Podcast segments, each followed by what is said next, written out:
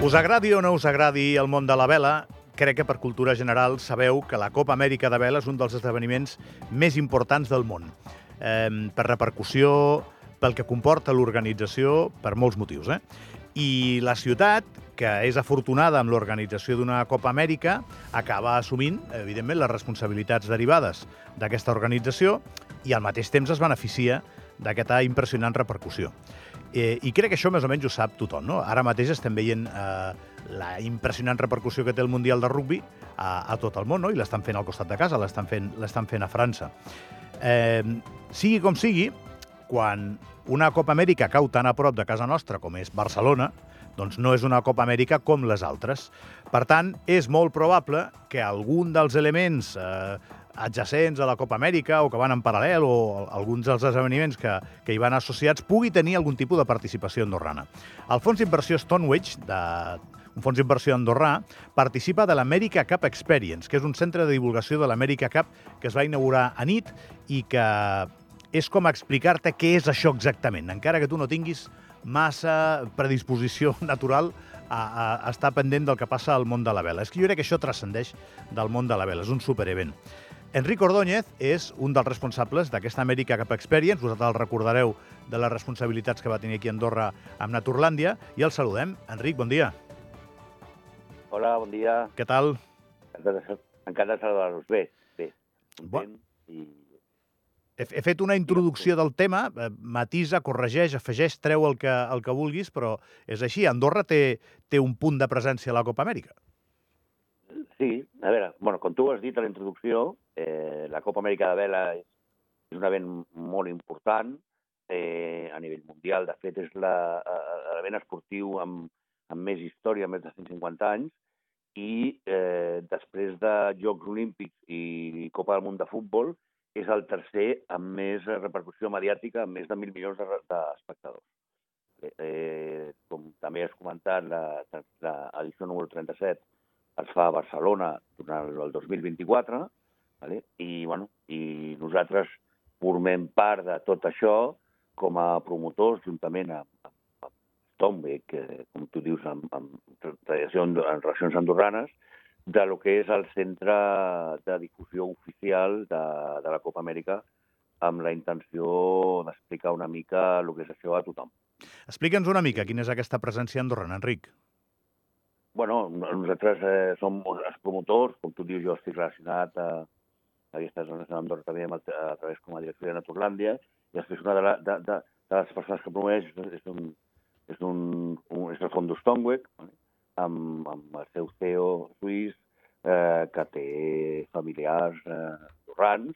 Bueno, eh, això és una, aquesta relació que, que tenim també. Eh? Molt bé. Uh, I llavors, per la gent que ens està escoltant ara mateix, que és d'Andorra, si, si... bé, jo crec que els que estan ja molt pendents d'això ja saben què han de fer, on han d'anar i com han d'apropar-se uh, a l'esdeveniment, però qui ens escolte, uh, com es podrien acostar a veure aquesta Copa Amèrica? Perquè, home, no és probable que passi per aquí en molts, molts anys uh, de diferència. Bueno, de, de, de fet, és la primera que passa. Eh, el que s'ha fet és intentar, com sempre, que Barcelona pues, també eh, sigui un projecte de ciutat i, en el fons, de país. Eh, és, és un centre eh, de divulgació amb última tecnologia interactiu que està al Port Vell de Barcelona amb, el, amb, amb, amb l'antic edifici IMAX. Vale? I després, evidentment, doncs, qualsevol persona que vull conèixer, després, normalment, de retransmissió, doncs, serà de manera en streaming eh, a tot el món. Serà un event que, que malgrat no ho sembli, serà molt, molt vist a l'època de saurització. De fet, l'objectiu inicial del centre de que vam eh, veure amb l'organització de la Copa Amèrica és perquè tothom eh, coneix una mica o coneix el nom, però és una, és una, és una, un event esportiu que no és molt conegut aquí perquè, perquè no s'ha no fet mai. No? no com països com França o Nova Zelanda o Estats Units o Itàlia, bueno, per tots tenen equip, no? el de Pirelli, el Red Bull Aligi de Suïssa, eh, el, el, el, el el New Zealand de Nova Zelanda, Llavors, és la manera més fàcil i de conèixer aquesta competició i interactiva amb simuladors de realitat, de realitat virtual i, i bueno, mo moltes coses que aprens el que és a base de, de, de la immersió. Sí que és veritat que la gent aquí a Andorra, eh, igual no, no assumim del tot, i probablement a, a Catalunya i a Barcelona també l'envergadura de la Copa Amèrica. No, no l'acabem de tenir clara del tot. No, bueno, eh, la, la raó principal és aquesta, perquè, de fet, jo, quan vaig començar a contactar amb l'organització de Nova Zelanda, fa un any i mig, la nostra, entre cometes, discussió era, ostres, sí que és un event molt bèstia, molt gran, amb molta revolució mediàtica, molt pressupost, el doble o triple que Fórmula 1, però o sigui, no és un event conegut al nostre país, a la nostra ciutat, no? Llavors va sorgir eh, la idea de fer aquest centre de divulgació, eh, que és la primera vegada, és l'únic al món que hi ha, Vale? Uh, I, entre altres coses, a part de, de zones d'inmersivitat, té els dos únics simuladors del món del barco AC-75, que és el barco de competició oficial. I la raó principal és aquesta. Tothom ho sap, però la gent no sap exactament eh, la capacitat, la història i, i, la, i la difusió que té un event com a, com, com a Copa Amèrica.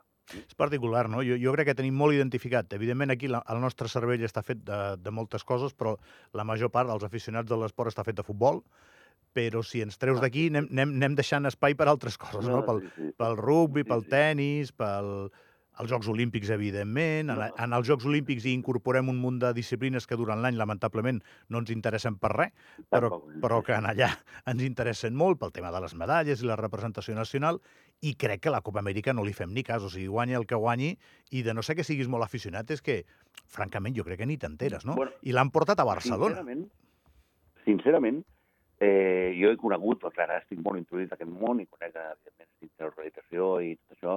Hi ha gent que en sap molt, vale? però són una mica per dir perquè li agrada molt el tema, molts friquis i tal. La majoria de la gent són, com tu dius, eh, futbol, eh, Fórmula 1, eh, bàsquet... Eh, bueno, això és lo normal, no?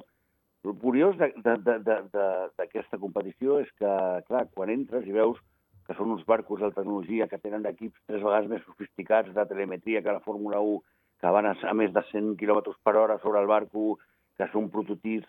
Que la gent surt una mica sorpresa, de dir, hòstia, però esto, com pot ser que no sapigués que això és tan bèstia existia? ¿vale?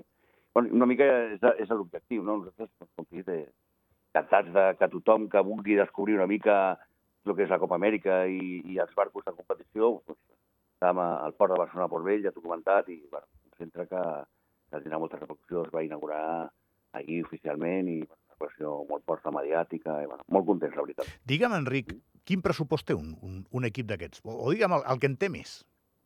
Sí, això, un, el, un pressupost anual, vale? pensa que tots els equips tenen, bueno, com t'he dit, per exemple, el Polarini, que és l'equip suís, té Red Bull darrere, eh, Ineos, Britània, està format per tot l'equip de Masters, McLaren, que hi ha darrere, està al voltant dels 350-400 milions d'euros anuals de, de pressupost.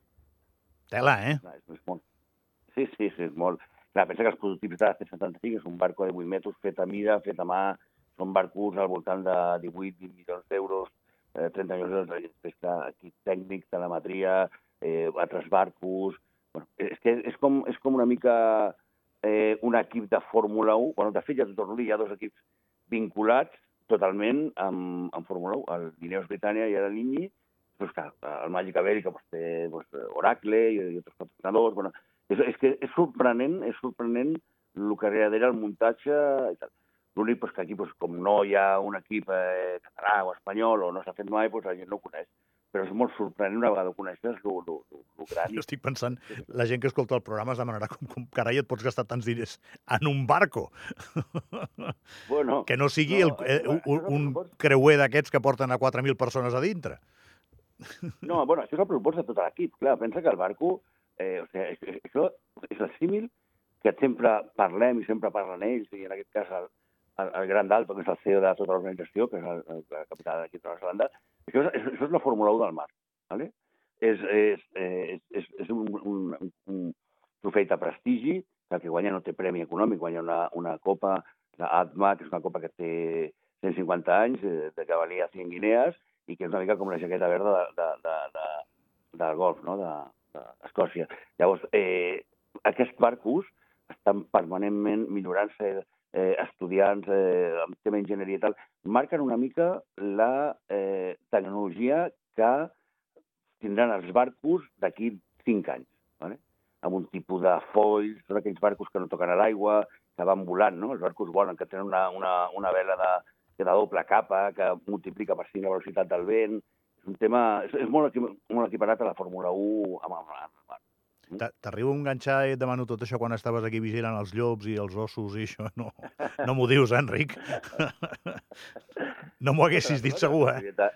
Va ser un projecte molt interessant, també, bueno, una altra cosa, el tema local, i nosaltres vam fer, com sempre, amb tots els projectes, i ho hem pogut, i ho vam deixar, crec, amb un, un pla estratègic, que, bueno, ho segueixo poc, sincerament, ara, eh, però crec que, que van seguint amb una línia tal, i, escolta, eh, que tots els projectes són bons, i, i Naturlàndia és un altre. Espero que ens hi vagi molt bé, sincerament, i, i eh, jo encantat, de, de veritat. Ara us esperem tots aquí baix, al Port Vell. Molt bé. Els llops per, pels barcos. Us acabem d'explicar això, que jo estic segur que no ho sabíeu, que de les moltes coses que us explicaran de l'America Cup, doncs, o de la Copa Amèrica, hi ha una part, una vessant, no és la més rellevant, no? Clar que no ho és, però sí que té una certa importància en la que hi tenim eh, un, un fons d'inversió amb, amb interessos andorrans col·locat en allà i que és dels que ha contribuït a fer aquesta America Experience, America Cup Experience, en la que un cop eh, entres, igual no saps el que és la situació i tot plegat d'aquest gran event, però quan surts estàs totalment posat en tots els ets i uts d'aquesta Amèrica Cup. Enric Ordóñez, moltíssimes gràcies i molta sort. A a vosaltres, un plaer. Que vagi molt bé. Gràcies.